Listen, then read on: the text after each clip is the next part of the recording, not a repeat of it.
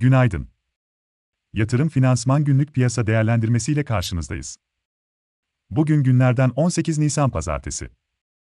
Küresel piyasalar yeni haftaya zayıf risk iştahıyla başlıyor. Yüksek enflasyon ve giderek daha agresif politikalara yönelen Fed nedeniyle büyüme üzerinde baskı artıyor. Rusya-Ukrayna gerginliğini ise yeniden tırmanışta ve kısa sürede ateşkes ya da barış umutları azalmış durumda. Amerika Birleşik Devletleri tahvil faizleri geçtiğimiz hafta gördüğü zirveleri de aşarken, son 3-4 yılın en yüksek faiz oranları görülmekte. Bugün Avrupa'da Paskalya tatilleri sürecek, ancak Amerika Birleşik Devletleri borsaları işleme açılacak. Amerika Birleşik Devletleri tahvil faizlerinde yükseliş devam ettiği sürece, Wall Street'te işlem gören teknoloji şirketleri başta olmak üzere, Amerika Birleşik Devletleri borsaları üzerindeki baskı da devam edecektir.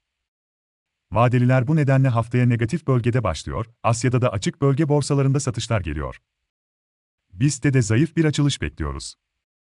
Ancak uzun süre sonra yüksek bir yabancı girişi gören ve cuma gününü rekor tazeleyerek kapatan BIST'te, cazip değerlemeler ve olumlu bilanço beklentileri nedeniyle yatırımcı ilgisinin ve dışarıya görece güçlü seyrin devamını bekliyoruz.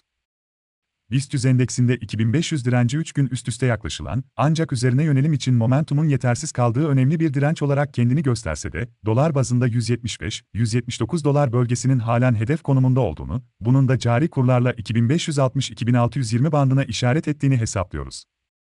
Destekler ise 2460 ve 2400. Ajandada ise haftanın ilk günü sakin. İçeride saat 14.30'da, Amerika Birleşik Devletleri'nde ise 17'de konut fiyatları endeksi açıklanacak.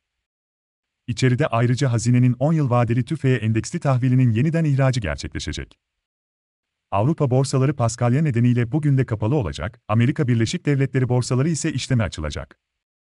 Yatırım finansman olarak bol kazançlı bir gün dileriz.